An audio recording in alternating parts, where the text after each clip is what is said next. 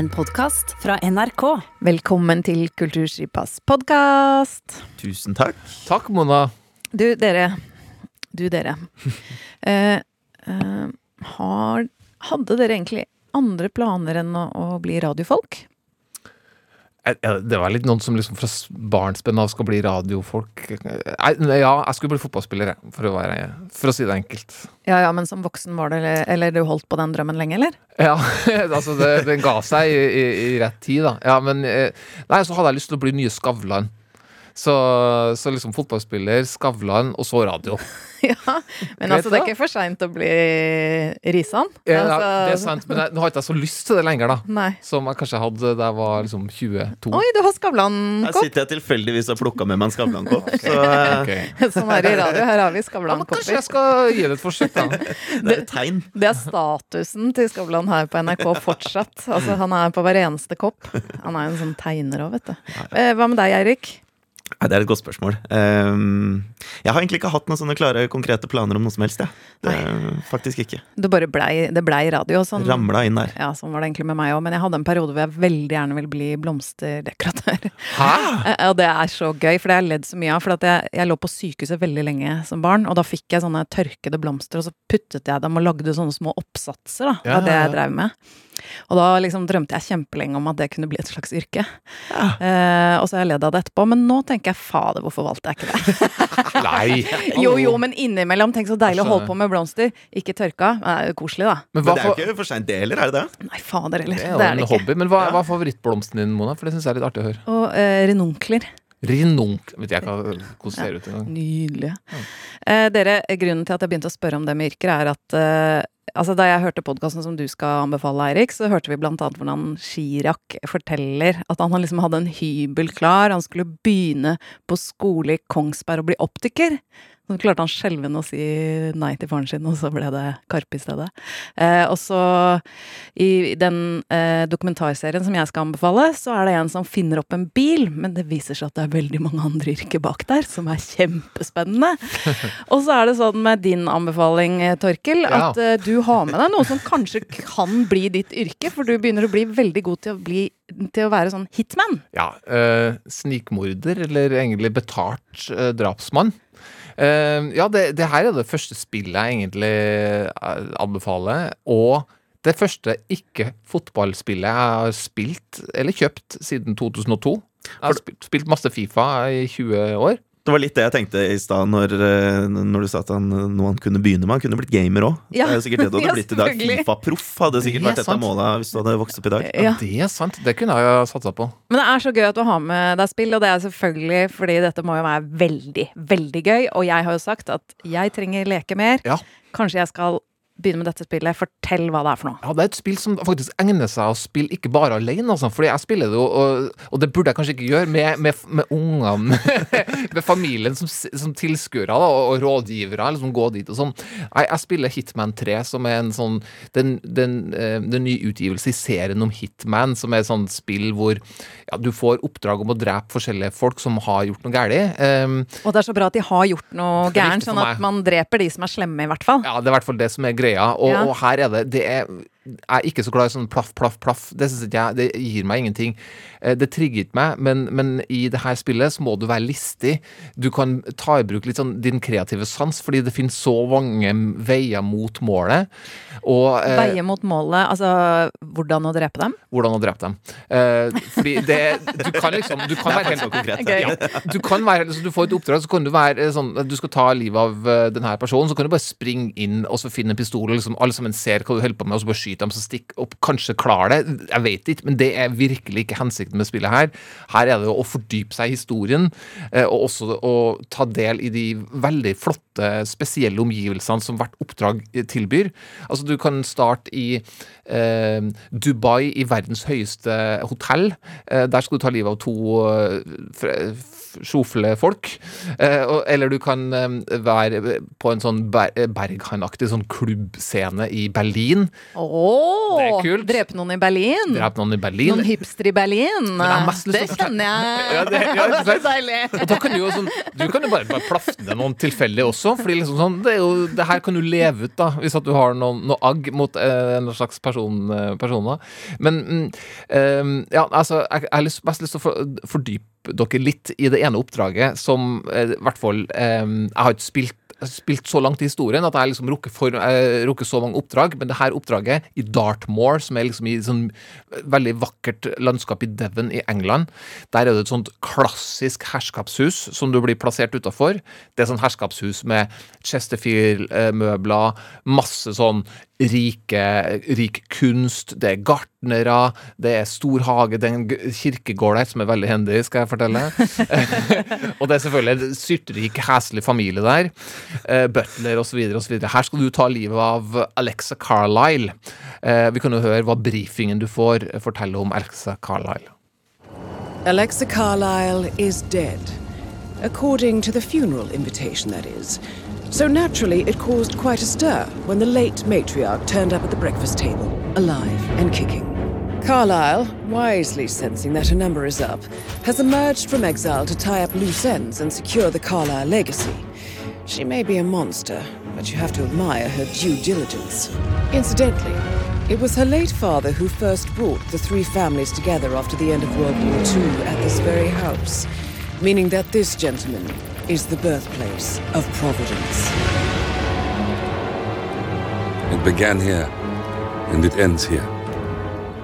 Talk about poetic. Ah, poetisk. Her skal, det, her skal det slutt. Det her oppdraget heter The End of the Line. Det er altså da fra Hitman 3, eh, og det, det er sånn et oppdrag starter. Du får en sånn briefing, og det er veldig sånn cinematisk. Du, det er ganske sånn fin, fin grafikk, og du spilte karakterer og sånn. Og lyden. Lyden, Ikke minst. musikken er veldig bra.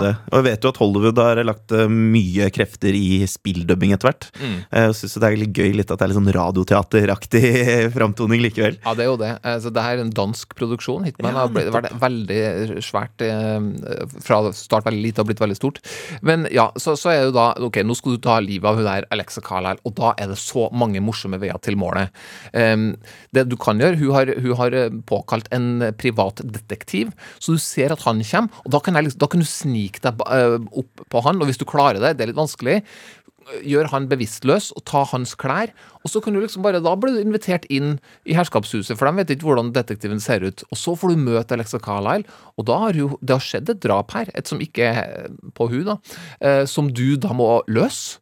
Og da kan du løse det. Da det er det plutselig en krimgåte å leite etter ikke fotavtrykk, jo, fotavtrykk også, eh, men eh, ja, clues, og du skal avhøre folk, Oi. og du skal presentere en løsning. Jeg har gjort det her litt, og jeg har funnet at det er Jeg skal ikke røpe hvem morderen er, men det går an å frame butleren, har jeg merka. For liksom sånn, det, bevisene er såpass tung mot han, og jeg tror han ikke har gjort det, men jeg kan si det til hun. Eh, har det, det har jeg tenkt å gjøre i, i ettermiddag. Men, men altså, må, hvor smart må man være? Kan jeg spille dette? Oh, ja, ja. Så her er det bare Hvis du, hvis du, hvis du bommer, hvis du går feil en dør, så, så, starter du på nytt der du slapp, hvis du dør, da, eller hvis at eh, ja, så, så her, her det, Du kan ta det så sakte som du vil, og det finnes tre vanskelighetsgrader.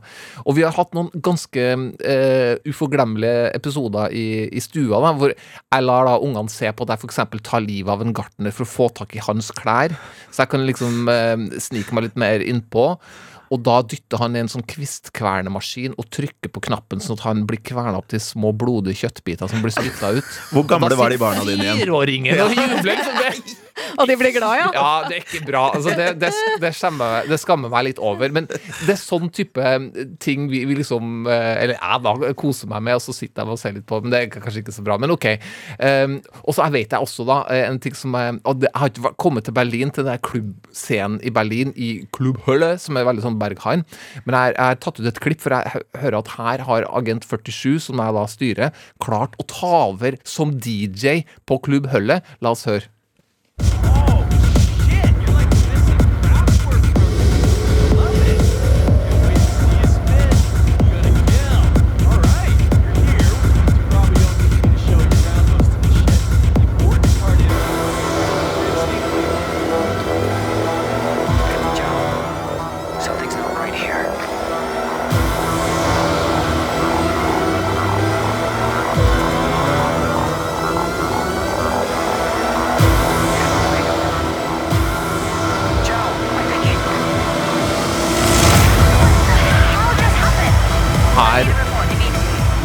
Helt hva som har skjedd, men mest sannsynlig så har da eh, Agent 47, som jeg da eh, forhåpentlig klarer å gjøre det her med, eh, lagt litt for tunge beats, eller laga eh, et lite eh, oppstyr som gjør at han kan, kanskje kan ta målet sitt i fred. Sånn type ting. Og det er, du kan liksom late som du er kokk og servere forgifta sushi. Du kan liksom skyte ned lysekroner som ramler ned. Det finnes så mange kreative måter du kan liksom få tatt livet av de her folkene på. Hva er det, er din yndlingsdrapsmetode så langt? Eh, åh, hva har jeg kosa meg mest med? Jo, jeg klarte å Jeg klarte å Jeg skulle ta livet av en, en sånn slem sånn skurk, og så klarte jeg å Han var på en yacht, og så klarte jeg å ta en sånn, eh, sånn kubein og jekke løs livbåten, så den ramla i hodet på han foran alle hans uh, slemme venner. Og så kunne jeg stikke av gårde i et helikopter, liksom sånn OK, drop the mic, Torkil. Det høres så utrolig gøy ut. Og da bare Fader. dropper du den PlayStation-kontrollen foran fireåringen din. Dro, drop the crowbar. For det, Se på det, pappa nå. Ja, ikke sant? Og jeg har jo sånn sinneproblemer. Det vil si at jeg ikke er sånn som er så hissig og blir så sinna. Jeg er mer sånn som blir sinna på meg selv. Ja. Mens dette er jo perfekt øving Ja. i å, å bli sinna på andre, Eller å drepe andre, istedenfor å drepe seg selv, holdt jeg på å si. Altså ikke være Dette må jeg eh, Jeg må rett og slett få en Du må få deg en, for eksempel en PlayStation. Og så bare, du kan jo øve veldig på liksom, sånn knappene. og så Det finnes sånn trening, så her kan du bare gå rundt omkring. Altså Sånn hopper jeg, sånn tar jeg ting. sånn får jeg, Det er ganske enkelt når du først har gjort det eh, litt, så, så, så kommer du inn i det. Og da er det bare å ta inn over seg alle de morsomme mulighetene som ligger der. Herregud. Første gang i Kulturstripa-podden et spill som er anbefalt. Hitman 3 får du kjøpt der du kjøper spill, og er tilgjengelig på de aller fleste konsoller. Og hva snakker vi om da? Snakker vi om for eksempel ja, PlayStation eller PC eller eh, PC er en konsoll i seg selv? mm, Du kan spille på PC. Xbox. ja, Sånn, sånn som man spiller videospill på. Ja! Jeg er så glad for at du må forklare det såpass for at jeg skal få det med meg. Eh, Eirik, du har med deg en veldig bra podkastepisode. Eh, jeg er så glad for at du tipset eh, på ekte podkast. En nesten to timers lang episode med Chirag fra Karpe. Altså, Kan ikke du forklare situasjonen du var i da du hørte den, eller så den på YouTube som du gjorde? Jo, eh, jeg lå hjemme med hjernerystelse og var sykemeldt hele forrige uke. Eh, fikk ikke lov til å se på skjerm, men Hva hadde, hva hadde skjedd, egentlig? eh, tryna på ski. jeg prøvde meg. Ja. Ja, jeg tør ikke engang. Gikk litt offpist. Det var en litt interessant bratt bakke. Jeg har felleski, prøvd meg på det før. Ikke hopp på felleski. Det er ikke noe vits i. De er ikke laga for at du skal klare å lande mykt, eller at du skal klare å gli videre. Fordi Et hopp, ja.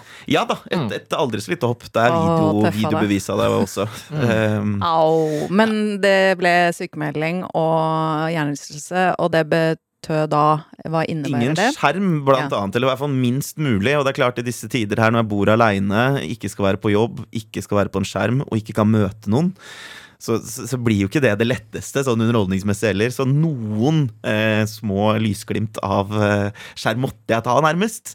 Og da var blant annet eh, denne podkasten her, som var så fin også, for da kunne du ha den på, på litt i bakgrunnen. Så jeg hørte lyden, men så det også eh, litt. For eh, vil egentlig anbefale å se på YouTube, for det er veldig proft produsert. Eh, selv om det også kan høres på podkast. Men da, da var det liksom den Eh, da jeg sitter der aleine, da. Ikke hatt så mye sosial Ja, ja, eh, interaksjon. Og plutselig så var det noen gode venner, føltes det som nærmest. Som Og de kuleste venna ever. 100% 100 så, jeg, så jeg ble mildt sagt engasjert av denne podkasten og følte at det var noe av det beste jeg hadde hørt på evigheter. Og sto tidvis og klappa i sofaen, fordi jeg bare følte at det han sier her, er så riktig. Og de klarer å legge fram eh, noen syn på både hiphop-bransjen, på norsk kulturliv, på norsk liv, holdt jeg på å si samfunnsliv generelt, som jeg ikke har hørt før, og som samtidig er fortalt både morsomt, men ekstrem selvtillit også, eh, og underholdende. Eh, og mye rørende inni her også, så jeg, nei, jeg ble rett og slett veldig veldig bergtatt av denne episoden. Ja, Kanskje vi skal høre et eksempel, eller? Det kan vi jo godt gjøre. altså Kan jo først bare ta det da På ekte er en podkast som har hatt noen og 20 episoder så langt. Består da av Yamshid Rashidi, eh, kjent som rapper JR. Han har også med seg da Tobias Haile Furunes og Jules Akwama. Og så er det da Chirag i Karpe som er gjest i denne episoden her. Og det klippet vi skal høre nå, er et av de tilfellene hvor jeg føler meg mest truffet. Um, hvor du beskriver egentlig meg som 16-17 år, kanskje, som Chirag har en slags liten rant om. Uh, ja, kan du bare høre dette her.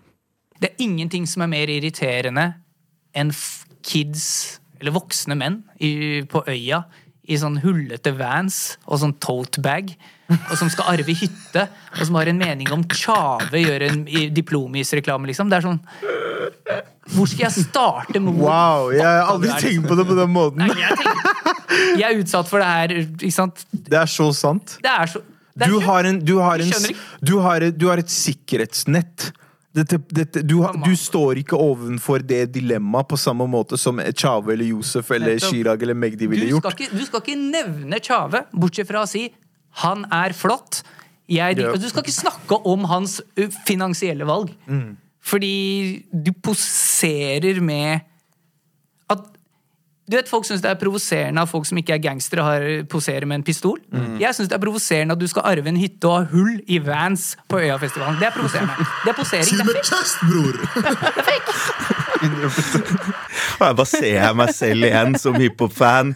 16-17 år. Hater Eller kanskje på nå. ja, jeg, har, jeg vil si jeg har vokst bitte litt fra akkurat den biten med å hate på sell-out da, og se, se den siden av ting. Men Madcon er et så godt eksempel. Altså, man drar frem Rshava her, eh, som jeg husker at jeg ikke akkurat var spesielt fan av at det lagde glow og den, den biten der. da men, eh, men det er likevel så on point, alt Ja. han klarer å legge fram her, eh, syns jeg. Han er så morsom, og så er han jo veldig smart og skarp. Og han forteller jo også det der med at eh, eller liksom alle andre, Daniel liksom, eh, som satser på musikken. Hvis det er to i publikum, så er det ja, men det er kjempefint, det er kredibelt. Altså, du, er, eh, du, du holder det, liksom. Dette her er kunst, og det to stykker er flott, eh, gutten min.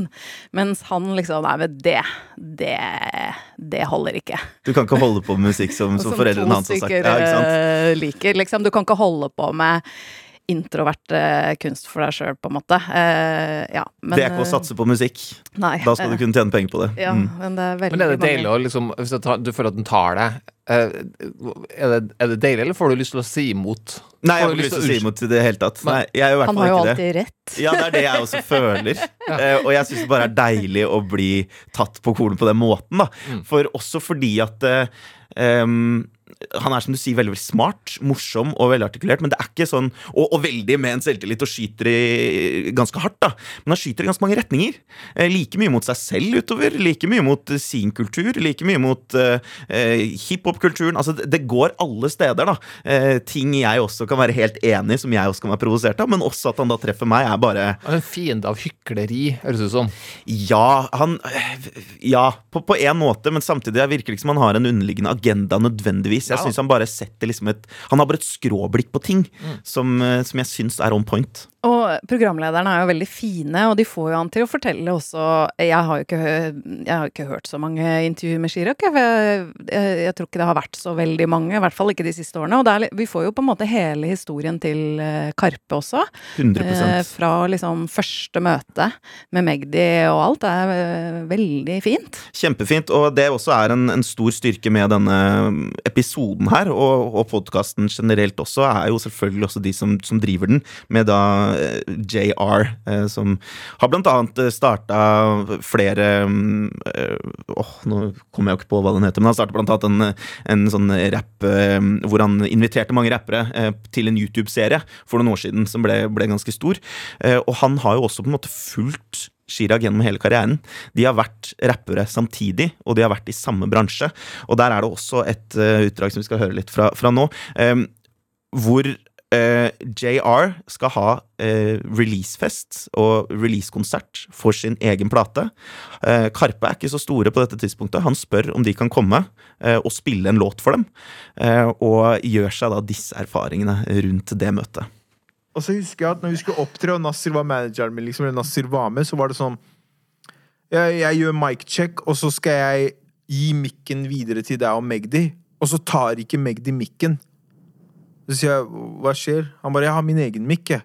Så snur jeg meg til Nasser og sier han har sin egen mikk. Hvorfor har ikke jeg min egen mikk?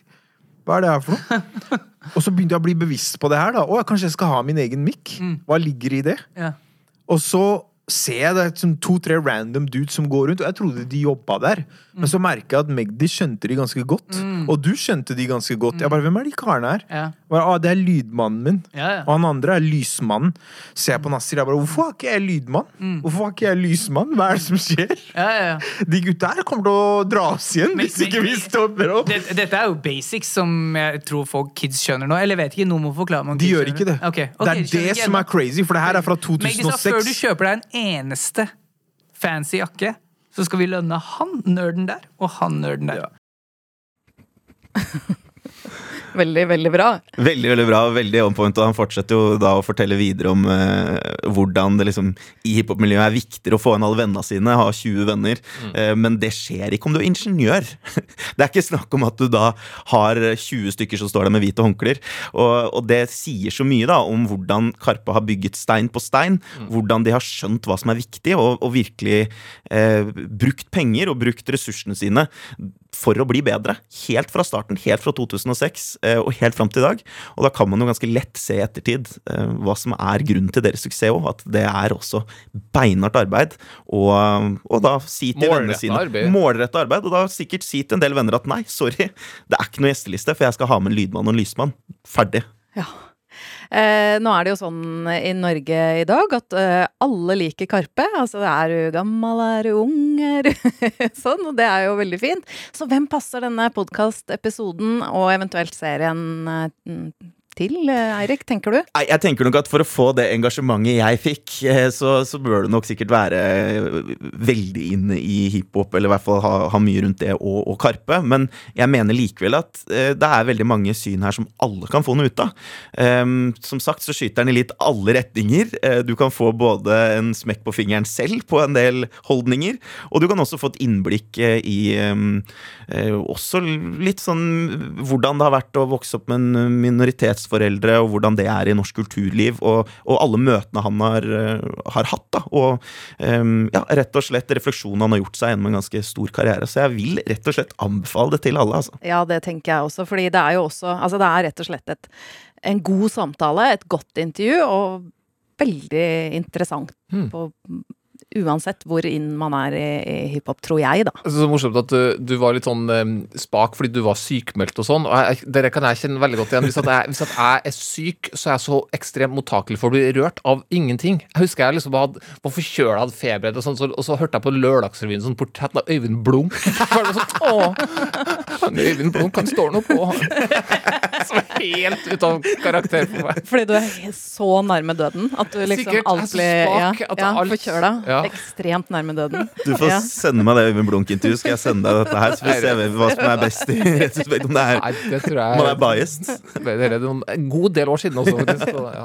uh, jeg er kjempefornøyd med det jeg har med meg i dag også, Eirik. The Lady and the Dale er en eh, dokumentarserie på HBO. To episoder som ligger ute. Og i utgangspunktet så tenkte jeg å, det handler om en eh, nyoppfunnet slags bil. Det er ingenting for meg. Eh, men så så jeg at det var Duplass Brothers som har eh, laget den. Og det er jo de som har laget eh, filmen Cyrus og serien Togetherness. De er veldig sånn de har søt humor, komplekse følelser ofte i historiene sine, og da tenkte jeg ok, da er det helt sikkert noe mer, når disse har gått god for denne. Og det var mye mer. Eh, så eh, jeg tenkte jeg bare skal ta dere litt igjennom det, fordi det, det begynner på en måte i USA i 1974.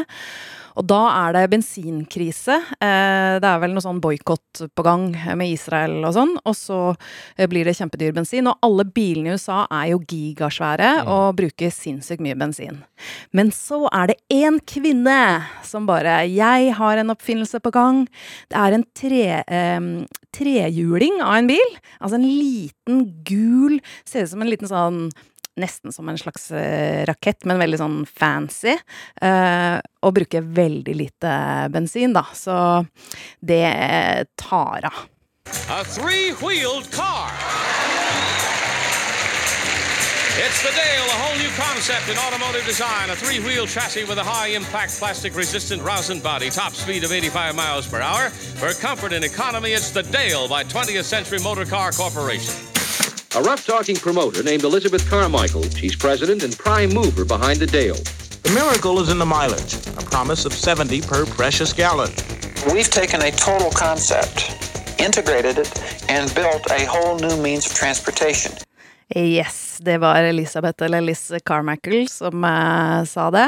Eh, det var jo ikke så veldig mange damer i bilbransjen på den eh, tiden, men hun er sånn Hun har liksom snakketøy i orden. Hun bare 'Jeg skal bli den nye Henry Ford. Jeg skal Altså Detroit, vær redde, jeg tar over. Og dette er liksom midt i kvinnekampens liksom heydays, eller det starter hun blir liksom en sånn gallionsfigur som man begynner å selge plakater av henne foran denne bilen, som da er på vei. Den er på en måte ikke kommet, hun driver og lager prototyp. Og så blir hun veldig liksom populær fordi hun, hun snakker så bra, da. Og er liksom skal forandre verden. Men da i denne dokumentarserien The Lady and the Dale, så begynner det med bakhistorien. Fordi at det viser seg jo at det er noe rart med bilen, og det er noe rart med Liss. Fordi eh, Liss viser seg egentlig å ha vært en ettersøkt svindler. En mann. Jerry Dean Michael. Det er en liten overraskelse. Her er det mange ting allerede. Ja. Gallionsfiguren, hun er faktisk en svindlermann. ja, eh, har i hvert fall vært. Og da eh, viser det seg at eh, han Jerry var på rømmen i nesten ti år med kona og de fem barna sine. De gikk aldri på skole, de bare flykta fra liksom by til by, og så drev han med noe sånn business, noe svindleraktig. Han var utrolig sjarmerende og veltalende. Eh, 1,88 høy og 100 kilo tung, som jo også Liss var. Jeg tenkte vi skulle høre et klipp, og det er da datteren som blir intervjuet eh, eh, i serien. Og hun, hun eh, forteller om en gang da Altså, de skulle dra og hilse på julenissen. Men så klarer de ikke, de rekker det ikke. Og så sier eh, faren da i, i bilen at eh, Jerry at eh, ja, men julenissen fins ikke likevel. Eh, og det er jo ganske kjipt å si, men så, så, så kommer han med et sånt forslag eh, til trøst, og som hun blir veldig glad for. My father told me that there was no such thing as Santa, and I was devastated. And I think to cheer me up, he said, Would you like me to be your mommy? And I was thrilled about it. Vivian was not a happy mother. I think there was just too many bad things that happened in her life right at the time I was born that somewhere in her mind she might have blamed me for it. So having my daddy as my mommy was a wonderful thing to me. I thought my daddy was doing it for me. I didn't realize that my daddy was unhappy being a man. Så altså, eh, faren, Jerry, blir eh, da Liss, og hun blir kjempeglad for det forslaget om at eh, han kan bli den nye mammaen. Og mammaen blir eh, da skjøvet til å bli tante. Tante Vivian. Eh, men altså, her ligger det jo Veldig Ja. komplekst. Eh, og det Altså, det, eh, det er jo en transhistorie også, det her. Eh, og han har da liksom eh, Han har hatt så innmari mange måter å tjene penger på. Eh, blant annet så har han avlet sånne eksotiske fisk. Eh, gullfisk.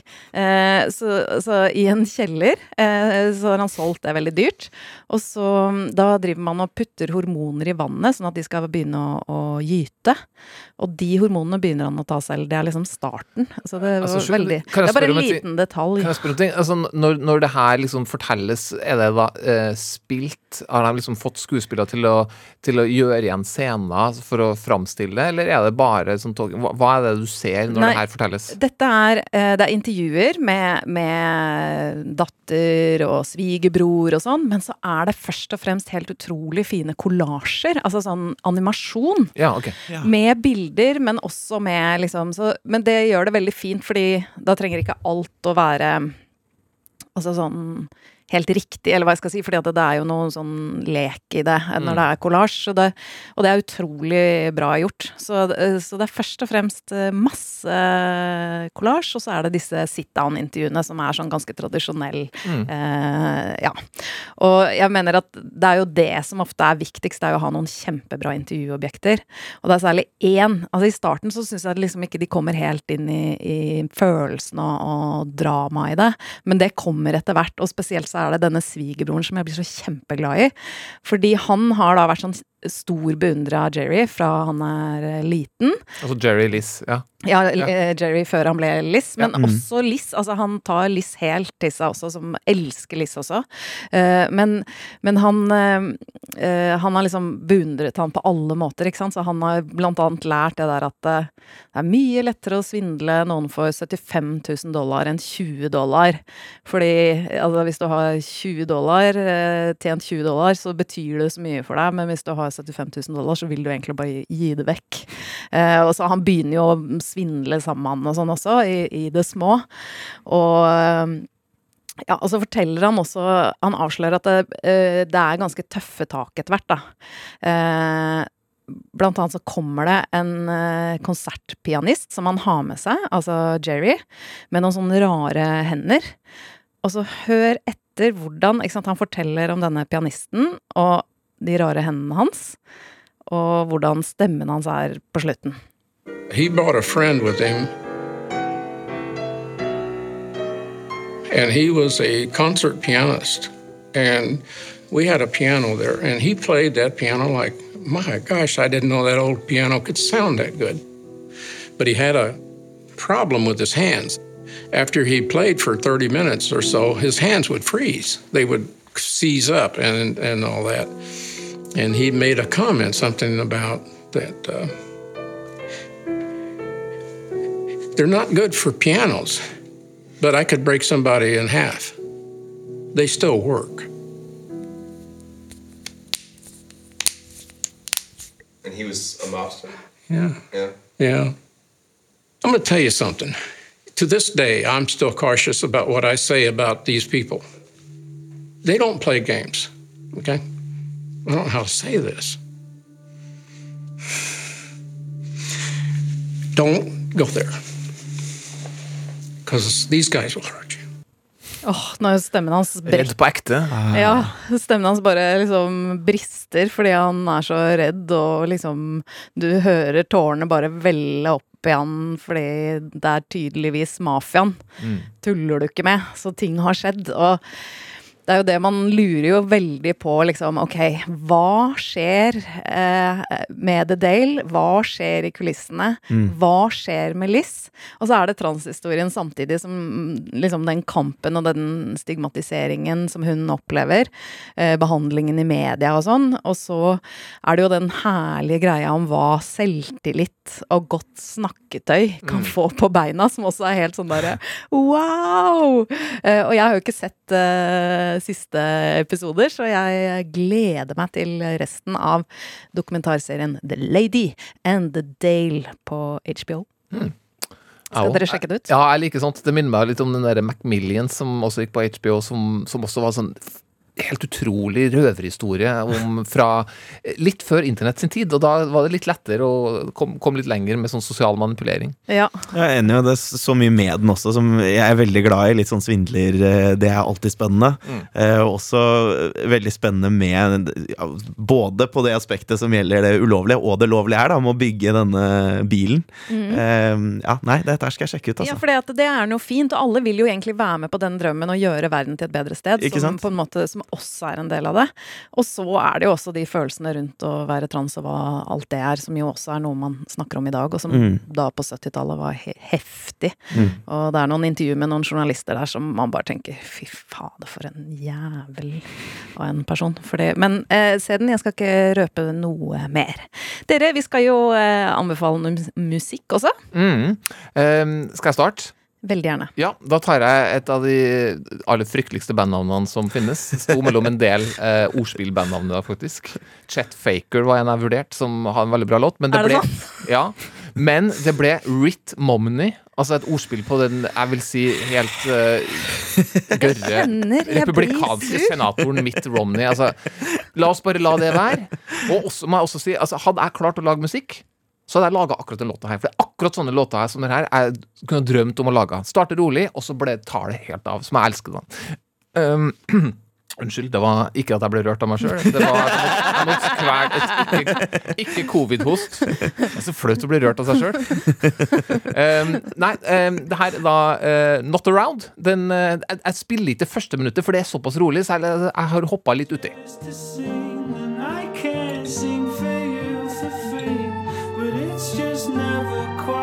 as special as the first time.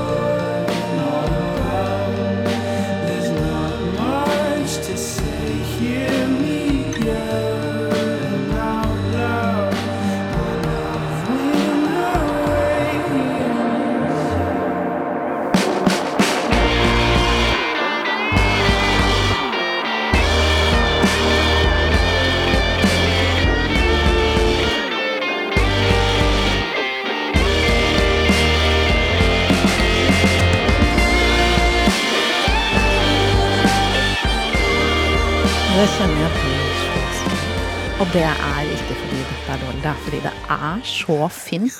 Så veldig fint! Og så heter bandet Rit Momni. Det er så dumt! Det er faktisk helt idiotisk. Så det Ja, nei, eh, slutt med det der ordspillbandet nå. altså. Men er det bare et endelig tegn på at vi ikke har flere artistnavn igjen, eller er det det?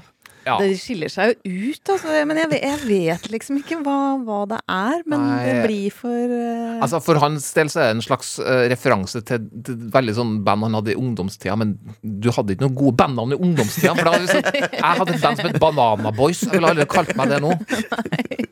Eirik, eh, hva har du med deg? Jeg har med meg en eh, artist som er et nytt bekjentskap for meg i dag, men som har med seg en av mine favorittartister som featuring. Eh, hun heter Sella Day, altså hovedartisten her. Født i 1995, eh, holdt på i ganske mange år eh, allerede. Gitt ut en del låter. Jeg så slitt sist slapp album i 2015. Da var det litt annerledes, litt mer poppa. Jeg falt ikke så veldig for det når jeg sjekka ut eh, det, men nå har hun med seg da Waste Blood. Waste Blood har vi Ja. spilt i Kulturstripa Bod før. Ja, og det er eh, en artist som alle bør sjekke ut. Det er altså alle albumene Titanic Rising nå fra 2019. Helt fin. fantastisk. Og det vil jeg anbefale alle å gjøre. Og det kan virke som om også eh, nå Cella Day har gått i en retning som, som er litt i landskapet til Waste Blood på, på den nydelige låta som heter Holosen. Hollosen. Hot water, hot summer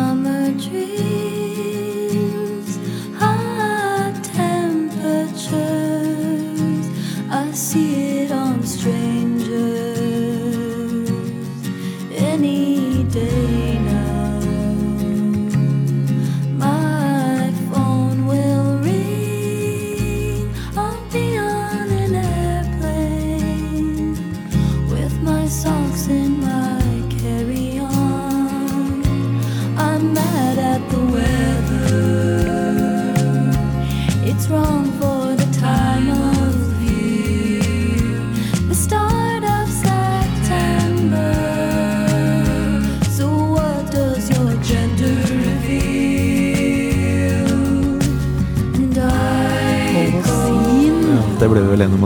Hollosen?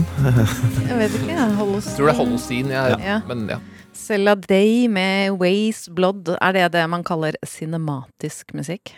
Åh, slutt å smykke deg med de der vakre ordene dine, Mona. Det blir kvalm. Det var fint, da. Ways Blood er vel kanskje noe av det mer cinematiske jeg kan tenke meg. faktisk ja. Så det er, eh, jeg vil si det er eh, på merket. Ja. Eh, Jeg har med eldgammel musikk. Fordi det var jo en film vi egentlig hadde litt lyst til å snakke om i dag, og Mm. det var Malcolm and Marie, som kommer på Netflix i dag.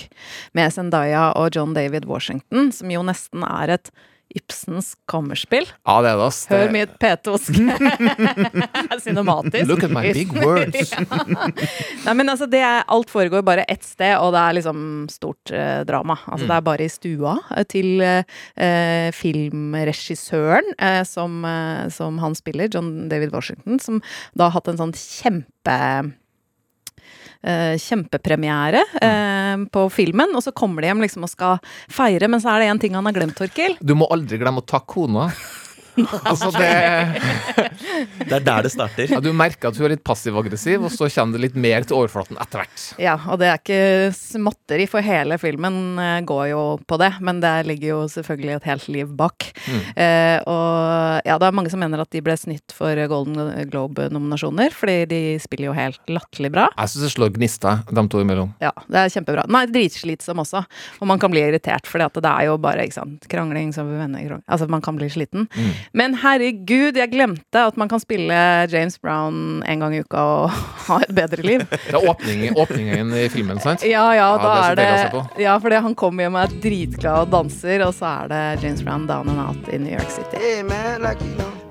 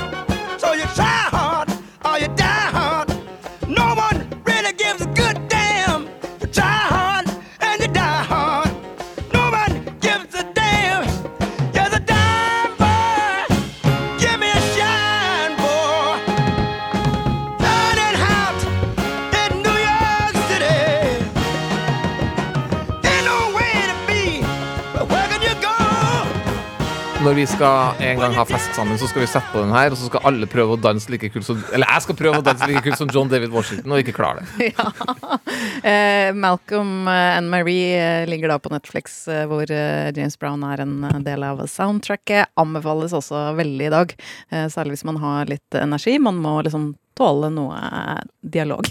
Det er noen dialog der, ja. ja, det er det. Jeg koser meg med den. Ja, jeg også. Jeg syns den er kjempebra. Eh, typen, eh, han ble sliten, men eh, jeg bare hold ut. Her er det stor magi. Dette må vi se. Men jeg ser at kritikerne, noen hater den, noen elsker den. Eh, vi, Noen hater den, ja, faktisk. Ja. vi er på elsk. Ja, ja, ja. Ja. Eh, kjære du som hører på Kulturskipapod, eh, vi er veldig glad for at du har hengt med hele veien i dag. Og hvis du har lyst til å høre flere episoder, så må du faktisk eh, levere en liten innsats, og det er å gå inn og gi oss fem stjerner. Altså, det er fem stjerner som det, det her kost, Det koster fem stjerner å høre på det her. Du må bare gå for det, og så skriver du en liten hilsen eh, der du lasta ned podkasten. Jeg får sånn der eh, vondt i magen og bare Nei da, du trenger ikke gjøre det. Jo da, eh, det er kjempefint å gjøre det. For da får vi lov til å fortsette å gjøre dette. Det er jo det som er greia. Og vi har fått noen e-poster. Nå, nå rakk vi ikke å liksom få med det nå, men vi skal lese, eh, forberede, høre. Tusen, tusen takk. Mm. Ok. Kulturskippa er det. God helg! God helg! God helg. Du har hørt en podkast fra NRK. Hør flere podkaster og din NRK-kanal i appen NRK Radio.